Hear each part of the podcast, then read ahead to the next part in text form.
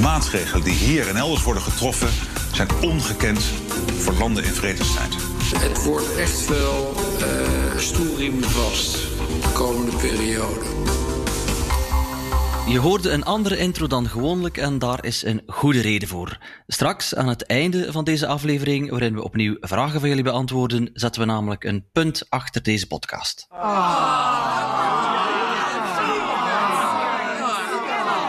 Ja, na 15 afleveringen eh, gaan we stoppen. Natuurlijk is de coronacrisis niet voorbij. En het eh, FD en BNR, die ons deze podcast lieten maken, die zullen er ook zeker aandacht aan blijven besteden. Eh, maar voor ons is de tijd gekomen om het over een andere boeg te gooien. Ja, het begon met een terlopse opmerking van jou, geloof ik, Matthijs, dat de intro van Ongekend in Vredestijd met die stoelriemen vast wat gedateerd begon te klinken, want we zijn ondertussen toch beland in een volgende fase van deze crisis. Ja, en toen we daarover hadden, toen bleek ook dat uh, deze zomer allerlei andere dingen ging doen. Ik in elk geval wel. Ik ga lekker een lange vakantie nemen. Uh, jij ook, denk ik. En maar we gaan niet samen op de camping in uh, Schubbekutteveen zitten. Uh, of alle trouwe lezers weten precies wat ik bedoel. Ja, maar blijf toch vooral geabonneerd op deze podcast, want binnen een paar maanden komen we met iets nieuws. ik heb mij in elk geval kostelijk geamuseerd met deze podcast, ook al was het onderwerp op zich niet altijd zo feestelijk natuurlijk. En vooral ook omdat het altijd gezellig is met jou, Matthijs. Dat zal ik wel missen deze zomer. Nou, dat, is heel aardig. Ik ook hoor, Daan. Ik, ga, we gaan elkaar af en toe gewoon even, even bellen vanaf de camping. Goed? Dat is goed. Uh, maar dan gaan we dus vragen beantwoorden vandaag. Dat hebben we één keer eerder gedaan. Dat was eigenlijk heel leuk. Uh, in, uh, de luisteraars hebben weer veel vragen ingestuurd. Vragen over ja, economie en coronacrisis. Want daar gaat het nog altijd over, ook in deze laatste aflevering. En we beginnen met Anno. Die had niet zozeer een vraag ingestuurd toen we het hem verzochten. Maar die had als eerste een recensie achtergelaten op de Apple Podcast. Onze favoriete podcast app. En daar staat een vraag in, in die recensie. Dus ik lees even, nee, ik niet. Ik laat mijn jongste zoon, die net zo klinkt als ik, laat ik de vraag voorlezen. Daar komt hij. Zet hem op, Maas. Hele fijne podcast die echt over de economie gaat. Met leuke interactie tussen de rustige Daan en Hollandse Hark Matthijs. Ik zou graag iets meer horen over de Italiaanse kijk op de zaak. Wie profiteert eigenlijk het meest van het geld naar het zuiden? Zijn dat de bedrijven daar of juist de op export gerichte bedrijven uit het noorden? Uh, het antwoord is beide. Dus uh, aan de export naar Spanje en Italië verdient Nederland uh, ongeveer 60 miljard euro per jaar, merkte VNO-NCW deze week nog op. Dat is meer dan de export naar China, wat 50 miljard zou zijn. Nu ja, in het algemeen geldt dat Nederland voordeel heeft van een goed functionerende Europese interne markt. Mensen onderschatten vaak hoe groot de Italiaanse industrie is, denk ik. Het zijn niet alleen pizzabakkers, pastamakers. Er zijn ook grote chemiebedrijven en dus belangrijke toeleveranciers van de autosector ook. En daarnaast is het land ook groot in design, zowel mode als uh, meubelen. Uh, niemand minder dan Angela Merkel, die wees eerder dit jaar nog op het belang van die internationale aanvoerketen. De economieën van Noord-Italië en Zuid-Duitsland zijn heel nauw met elkaar verweven, benadrukte ze. En we moeten ze in het belang van de Europese economie dus over de landsgrenzen heen durven uh, denken. Ja, ja ik, want ik, ik denk natuurlijk als je, als je gewoon naar de vraag kijkt... profiteren bedrijven in Italië meer van die steun dan bedrijven in Nederland? Dan moet het antwoord toch zijn, in Italië profiteren ze meer. Het is een redelijk belangrijke exportmarkt voor ons. Uh, maar ja, ook weer niet, het is ook weer niet Duitsland of, uh, of, of België of uh, Groot-Brittannië. En we zijn natuurlijk vooral die economie daar aan het, aan het redden. Ik denk zelfs dat als wij meer zou, zouden profiteren van die hulp aan Italië dan de Italianen zelf, dat ik het helemaal niet zo'n goed idee zou vinden om die hulp te geven. Het is ook echt wel bedoeld, denk ik, om de Italiaanse economie op de been te houden. een beetje voor de lange termijn ook het, daarmee de interne markt te stutten. En bijvoorbeeld de euro overeind te houden. En via die omweg denk ik dat Nederlandse bedrijven, maar ook Nederlandse burgers het meeste profiteren. Dus niet zozeer geld in de portemonnee stoppen van Italianen zodat ze onze spulletjes kunnen kopen, maar veel meer het uh, overeind houden van de interne markt. Het voorkomen dat de economische ontwikkeling in het noorden en in het zuiden nog veel verder uit elkaar gaat lopen. En dat daardoor een soort, soort breuklijn in de interne markt ontstaat. Uh, en dan misschien per saldo over 10, 20 jaar kunnen we concluderen dat Nederlandse en Duitse bedrijven inderdaad het meest geprofiteerd hebben, omdat het alternatief nog veel slechter was. Um, ja, ik denk dat we naar de volgende vraag moeten gaan. Uh, een vraag die is ingestuurd door Matthias Hoesen. Bravo, een geluidsbestand dus. Beste Daan en Matthijs. In 1997 is in het Stabiliteits- en Groeipact besloten dat de overheidsschuld van eurolanden maximaal 60% van het bbp mag bedragen. Mijn vraag is: moeten we na de coronacrisis wel terugwerken naar deze 60%? Moeten we met eurolanden niet afspreken dat in deze tijd van langdurige lage rentes dit maximum veel hoger mag liggen? Ja, nou bedankt uh, Matthias voor deze keurig opgelezen uh, ingediende vraag. Een hele goede vraag ook, vind ik. En ook eentje die relevant gaat worden. Ja, weet je, die 60% is natuurlijk heel arbitrair. Maar ik heb altijd geleerd dat er wel een rekensommetje achter zit. Namelijk de veronderstelling in de jaren 90 natuurlijk, toen het werd bedacht dat uh, als de economie groeit met uh, 3% en de inflatie bedraagt 2%, en ik geloof een uh, nominale rente dan van 5%, dat je dan bij een bestart van 60% staatsschuld en dan vervolgens nooit meer dan 3% begrotingstekort, dat je dan een stabiele staatsschuld gaat krijgen. Dus niet eentje die naar nul gaat en ook niet eentje die explodeert als je het beleid niet verandert. En zo is dat bij elkaar bedacht. Nou ja, de rente is inderdaad lager, dus dan zou die 60% die startpositie wat hoger mogen zijn. Maar natuurlijk 3% groei halen we ook al lang niet meer. En de inflatie van 2% halen we ook niet meer. Dus ik denk als je het sommetje opnieuw maakt, dat je misschien wel onder die 60% zou uitkomen in plaats van, uh, van erboven. De betaalbaarheid van de staatsschuld door Europese landen is eerder afgenomen, denk ik, dan, uh, dan toegenomen. Of zie ik dat helemaal verkeerd aan? Nee, daar ben ik het wel mee eens. Ik ben het uh, niet uh, helemaal eens met de uitleg, uh, denk ik, hoe okay. ze tot die 3% en 60% gekomen zijn. Want dat had ik naar aanleiding van die, die uit, inderdaad uitstekende vraag zelf nog eens opgezocht. Dus het Groei- definieerde een maximaal aanvaardbare begrotingstekort van 3%. Hè, en de staatsschuld moest in de buurt liggen van, of liefst onder, 60%. Nu, achter die 3% zat geen grote redenering. Pour la petite histoire. Die doelstelling dateert van de vroege jaren 80. En die komt van een consultant die door het Franse ministerie van Financiën was gevraagd om een meetlat te bedenken om de begrotingscijfers mee te beoordelen. En uh, die zei daar later over dat het een berekening was van één seconde. Uh, want uh, een cijfer van 1% was te mager en dus onhaalbaar. 2% zou in die moeilijke periode van hoogmoed hebben getuigd. Maar 3% dat klonk als een solide cijfer. En François Mitterrand, die zelf heel weinig kaas had gegeten van economie, die nam de doelstelling over voor Frankrijk. En zo belandde het later ook op de Europese tafel. Tafel. En eh, zo is het ook een beetje met die 60% doelstelling, want dat was simpelweg wat de 12 landen die in 1992 de EU eh, vormden, toen gezamenlijk aan schuldgraad hadden. Dus uh, dat was toen het status quo dat ze eigenlijk in uh, gedachten hadden. Met andere woorden, er is geen grote logica waarom dat het optimale pijl zou zijn. En um, ja, optimaal of niet, je moet gewoon rekening houden met de realiteit. En dat is dat we nu op een punt zitten dat die 60% grens voor veel landen zo ver uit zicht ligt dat het maar een stipje aan de horizon meer is. Ja, dankzij die ultralage rentes die we nu zien, zijn overheidsschulden gewoon veel minder duur om te financieren. Het gaat uh, met andere woorden om wat houdbare schuldenniveaus zijn. Als schulden naar overheidsinvesteringen gaan, die later meer opbrengen dan ze hebben gekost, is het geen slecht beleid om meer schulden aan te gaan. Denk dan bijvoorbeeld aan infrastructuur of uh, investeringen in de energietransitie. Het risico dat je natuurlijk hiermee ja, loopt, is ja. dat die rente straks stijgt. Ik, ik zag je al, uh, al aarzelen om dat ertussen ja, te werpen.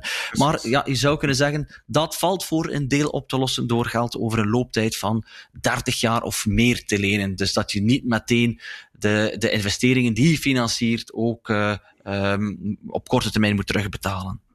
Ja, ja, nou, dat, dat, die gulden financieringsregel, die geldt natuurlijk altijd. En die is ongeacht schuldniveau. Even nog, heel even nog ter verdediging van mijn sommetje. Het is prima dat die 3% en 60% ad hoc zijn besloten. En dan zijn vervolgens natuurlijk die veronderstellingen over de groei en de inflatie en de rente... zijn erbij bedacht om toch tot een uh, logisch sommetje te komen. Um, maar inderdaad, interessant dat één consultant voor, uh, voor de komende 100 jaar onze maximale begrotingstekort heeft, uh, heeft vastgelegd, blijkbaar. Uh, ik, ik denk dat de brede vraag is op dit moment over die schuld. Of de coronaschuld een andere schuld is dan andere schulden.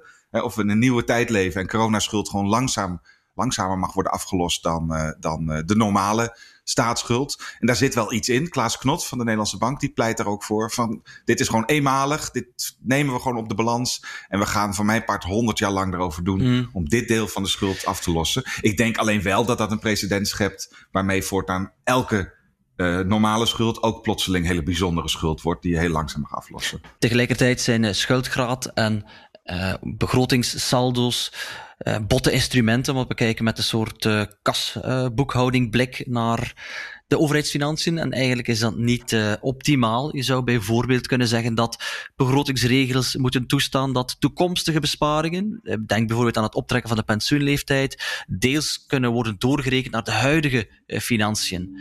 Want ja. uiteindelijk is dat een pijnlijke maatregel die later heel veel geld zal besparen, maar waar, waarvan je vandaag nog niet de voordelen voelt als beleidsmaker. En dat maakt het politiek dan dikwijls wat moeilijker om, om te verkopen. Dus we moeten misschien ook gewoon naar een andere opvatting gaan van, van begrotingen en staatsschuld, eerder dan wat uh, zien we dit jaar. Uh, want wat je ook al zei, je maakt dan veel te weinig het onderscheid tussen lopende uitgaven ook en wat moet naar investeringen gaan. Dus we moeten gewoon, denk ik, op een intelligentere manier naar overheidsfinanciën kijken. Oké, okay, we gaan het Europees verdrag herschrijven. Dat wordt lachen de komende tien jaar, Daan. Ik ga naar een volgende vraag. Um, de vraag van Robert de Jager. Dat is weer een, een, een, luisteraar die zo vriendelijk was om een geluidsbestand op te sturen. Hi Matthijs en Daan. Ik ben even benieuwd naar wat jullie zienswijze is op de almaar oplopende staatsschulden. Uh, we hebben nu natuurlijk steeds die stimuleringsprogramma's van de, van de centrale banken. Waarbij obligaties worden opgekocht en eigenlijk daar op de centrale bank staan. En de ja, rente daardoor ook vrij laag is. Uh, wat is jullie zienswijze op de staatsschulden als, de, ja, als het infuus er zeg maar vanaf wordt gehaald?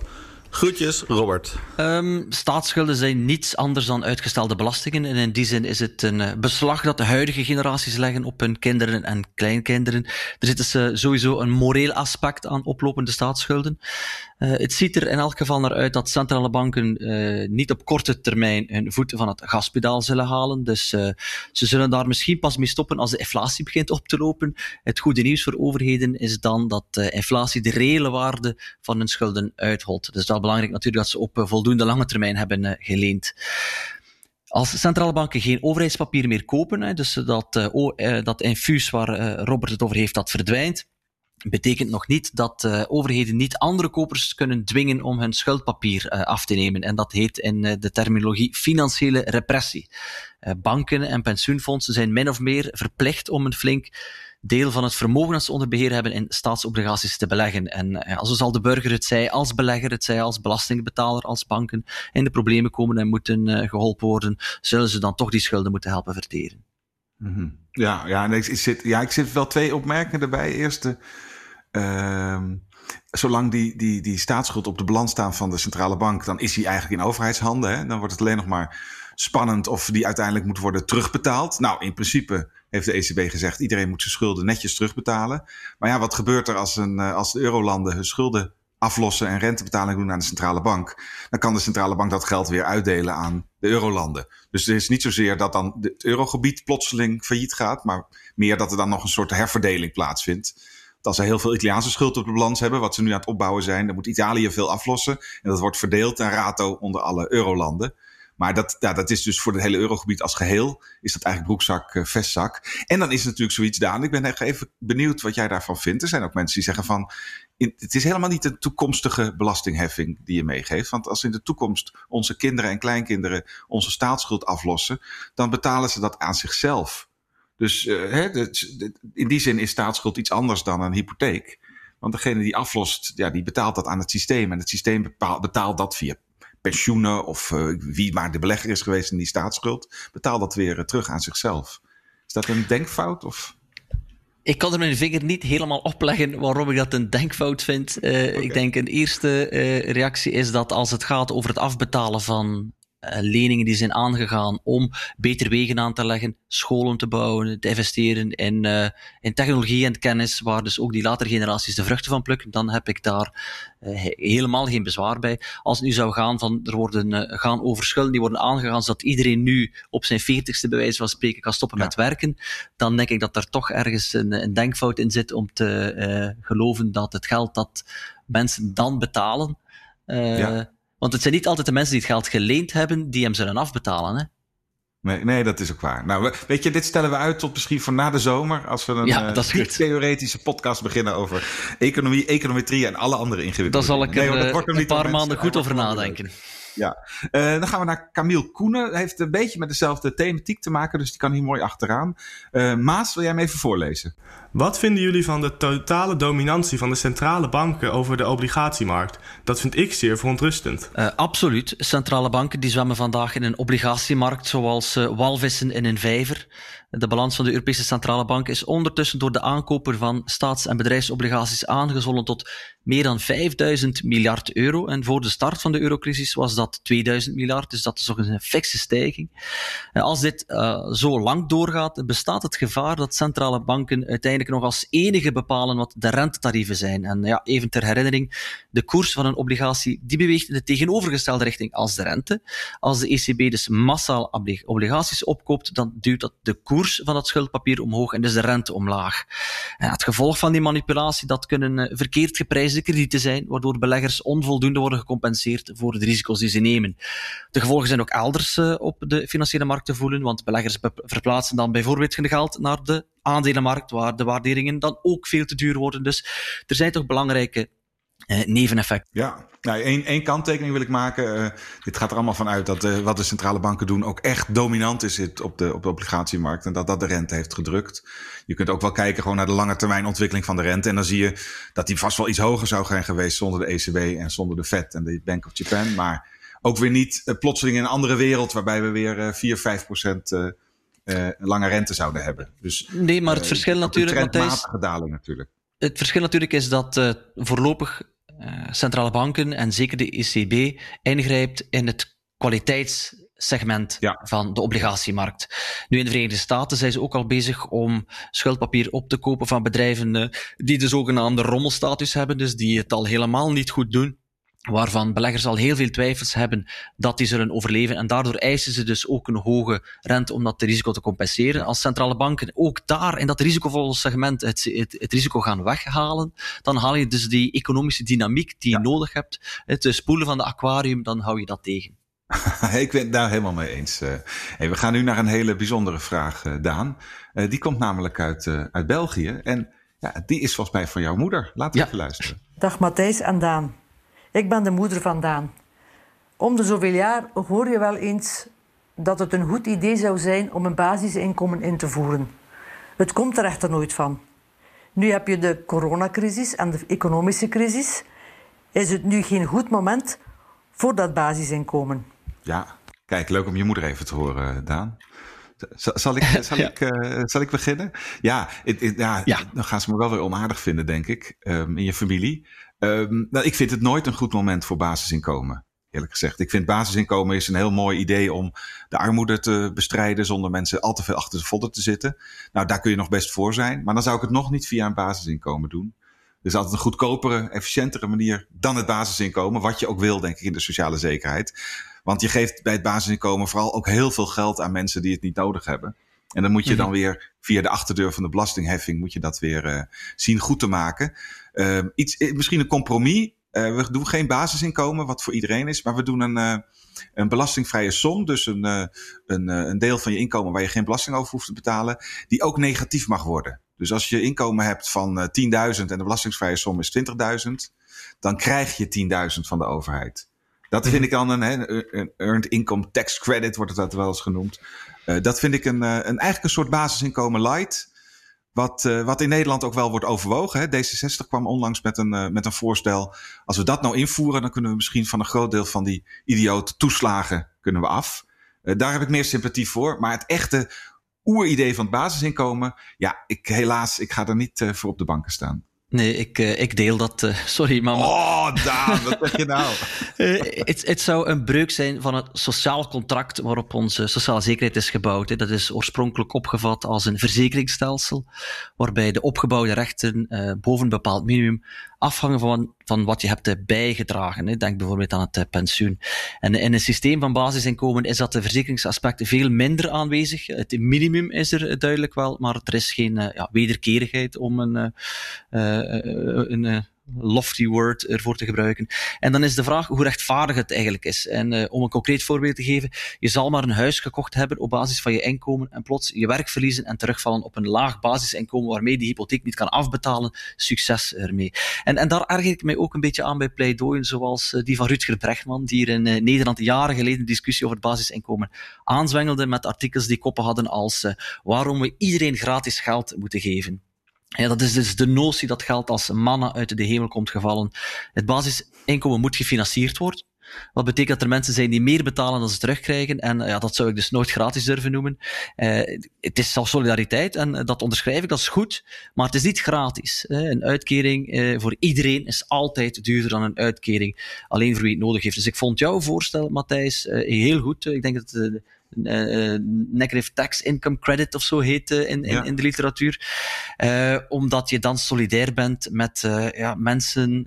het is heel gericht. Het is een beetje hetzelfde als hoe ze in België jaren geleden op een bepaald moment alle 16-jarigen een bepaald treinabonnement gratis wilden geven. Dus ook de kinderen van multimiljonairs. En dan denk ik, geef gewoon een onbeperkt treinabonnement gratis aan uh, kinderen die er wel behoefte aan hebben, omdat ze anders niet in die financiële situatie zitten thuis om dat te financieren. En in plaats van iedereen weer wat te willen geven.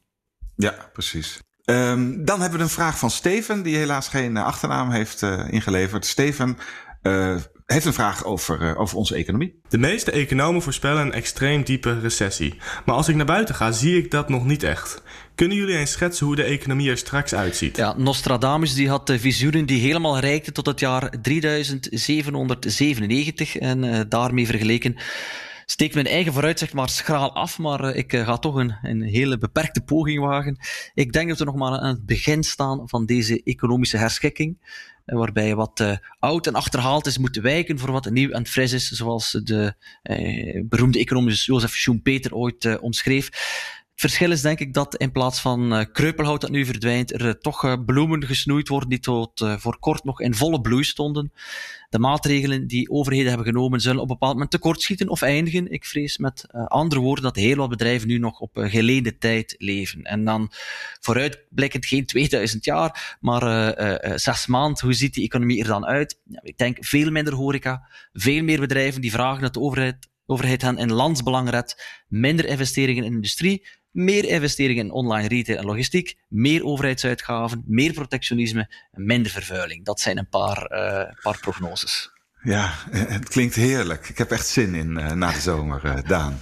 En dan denk ik dat we naar de vraag moeten gaan van Beschuit. Ja, zo heet hij niet echt, maar zo noemt hij zich op Twitter. En die gaat weer, en dan komen we eigenlijk weer op het eind waar we zijn begonnen. Die gaat weer over Italië. Waarom moeten wij betalen voor Italië, waar de pensioensleeftijd lager ligt dan in Nederland, het besteedbaar inkomen hoger en er 25% zwarte economie heerst? Hoe is dat nog solidair te noemen? Misschien een korte factcheck. Het besteedbaar inkomen in Nederland is uh, bijna 26.000 euro per gezin. In Italië is dat uh, iets meer dan 22.000. Er is dus wel degelijk een verschil tussen de twee. Ook het vermogen van de gezinnen in Nederland ligt een dikke ton boven dat in Italië. Ja, het klopt wel dat Italianen gemiddeld twee jaar vroeger stoppen met werken.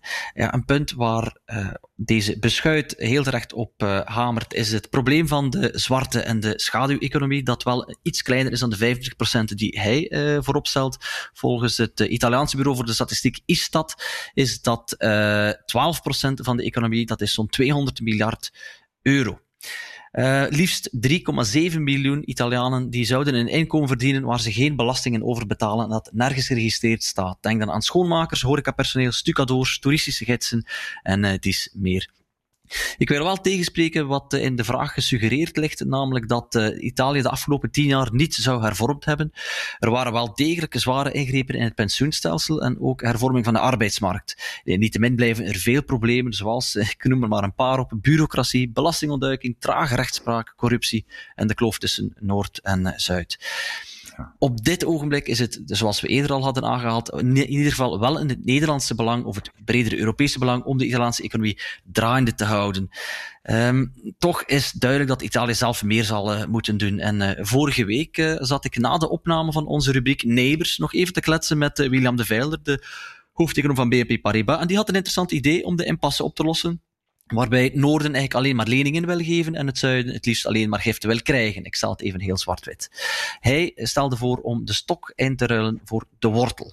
En landen moeten dan niet onderaan tekenen bij het kruisje voor streng voorwaarden om Europees geld te kunnen krijgen, maar in plaats daarvan krijgen ze relatief goedkope leningen waarvan de rente nog verder kan dalen als ze bepaalde doelen bereiken. Het kan zelfs verder gaan waarbij een deel van de lening niet moet terugbetaald worden als een land heel voorbeeldig te werk gaat. Dat zou het ook gemakkelijk makkelijker moeten maken voor politici om de bevolking achter hun beleid uh, te uh, doen scharen. Ja, dat is interessant natuurlijk. Eh, een soort, soort studielening van die wordt omgezet in een gift op het moment dat je al je tentamens hebt gehaald. Ja, goede vergelijking. Met de 6, 6 plus. Ja, ik, ik vind in deze vraag ligt nog meer bescholen, verscholen, denk ik, dan wat jij net uithaalde. Ook een soort gevoel dat wij het goed doen, alles doen in het Europese belang en de Italianen niet. En dat is natuurlijk ook niet zo. Hè? Als je alleen al kijkt naar de handelsbalans uh, overschotten van Nederland. Daarmee uh, ja, trekken wij toch ook op, op die andere landen. Wij pakken een groot deel van hun, uh, van hun koopkracht, pikken wij in. In het verleden zouden die landen daar hebben teruggeslagen met een devaluatie van hun munt. Zodat het allemaal weer recht, recht liep. Dat kunnen ze niet meer sinds de euro. Dus daar gaan wij, hebben wij gewoon impliciet een heel groot voordeel van. Nederland en Duitsland zijn dan ook in veel sommetjes de grootste profiteurs van, van, van de euro. meer dan de, de zuidelijke lidstaten die hun devaluatie uit handen hebben gehaald. Of ze hebben zien verdwijnen. En, en, en dan ook nog even, als we het toch hebben over, uh, over dat zwart, die zwarte economie. In Nederland wordt die ook wel vaak geschat op zo'n 10%. en laten we eens even het hebben over de, rol van Nederland in de drugshandel. Zullen we dat eens doen? ik denk als een Italiaan deze vraag zou stellen en een paar een lijstje zou maken van hoe Nederland schade toebrengt aan andere landen, dat die ook best wel ver komen. En ik denk daarom dat dat helemaal geen zin heeft. Daar gaat het helemaal niet over. Het gaat niet over goed en kwaad. Het gaat niet over straffen of, uh, of belonen. Het gaat gewoon over uh, dat het in het algemeen belang is om een beetje florerende Europese economie te behouden. En dat de coronacrisis echt iets uitzonderlijks is, waar we ook met uitzonderlijke maatregelen op mogen reageren. Nou, tot zover de speech. Matthijs, we komen aan het einde van deze podcast en ik heb eigenlijk toch zelf nog een vraag voor jou. Uh, waarover ben je door deze crisis anders gaan nadenken? Oh, dat is een hele gemene vraag. Want in het begin van deze crisis heb ik een column geschreven waarin ik zeg: uh, ik, ik neem alleen maar mensen serieus die anders gaan nadenken door deze crisis. Want uh, iedereen bereedt zijn oude stokpaardjes weer, maar dan verpakt in een krokant coronajasje. Um, waar ben ik nou zelf anders over gaan nadenken? Nou, ik ben eigenlijk wel een stuk misschien is dat het wel, een stuk negatiever geworden over dat het allemaal wel goed komt. En dan bedoel ik niet zozeer de coronacrisis, maar veel meer dat we een tijdje uh, bijvoorbeeld de globalisering in zijn achteruit hebben gezet. Dat we een tijdje types als Trump hebben. Dat we een tijdje de brexit hebben meegemaakt. Maar dat uiteindelijk het wel weer zal draaien. Dat gezond verstand zal zegevieren. En we blijven toch ja, internationalisering op een goede manier bepleiten. En het, het trekt allemaal wel weer aan. En ik zie nu door die coronacrisis dat eigenlijk de standpunten alleen maar verharden. Dat mensen meer naar buiten uitwijken. We hebben natuurlijk een paar maanden gehad van een soort vriendelijke gezelligheid. Van uh, we houden van elkaar, want we staan, zitten samen in de crisis. Hè, rally around the flag. Maar nu de laatste weken zie je toch wel weer dat de oude standpunten extra hard weer binnenkomen. Over handelsoorlogen, over hoe de brexit wordt aangepakt. Maar ook het idee in Nederland, zoals het gaat over, uh, als het gaat over de Europese Unie en, uh, en de euro. Um, dus dat is echt, eigenlijk ben ik wel uh, van, mijn, uh, van mijn hoopvolle pad af. En denk ik dat we veel harder moeten vechten uh, om, om nog iets over te houden van, dat, ja, van die internationale economie waar we het zoveel aan, aan te danken hebben. Ja, een hoophevende ja, gedachte is, ja, een hoophevende ja. gedachte is het niet, maar zo nee. zijn we toch op het einde gekomen. Niet alleen van deze aflevering, maar dus ook van deze hele podcast. Oh. We willen graag het FD en BNR bedanken voor het vertrouwen en de ondersteuning. En dan vooral aan Eline Ronner, Lara Ankersmit, Elger van der Wel, René van Heteren en Freek van Kaspel. Maar vooral uh, onze warme dank aan jullie, de luisteraars, voor het luisteren, voor het abonneren, voor het delen, reageren. Um, blijf vooral je abonnement houden, want we komen waarschijnlijk wel terug. Wij zijn jullie heel dankbaar. Vanuit het diepste van ons hart geven jullie dit applaus.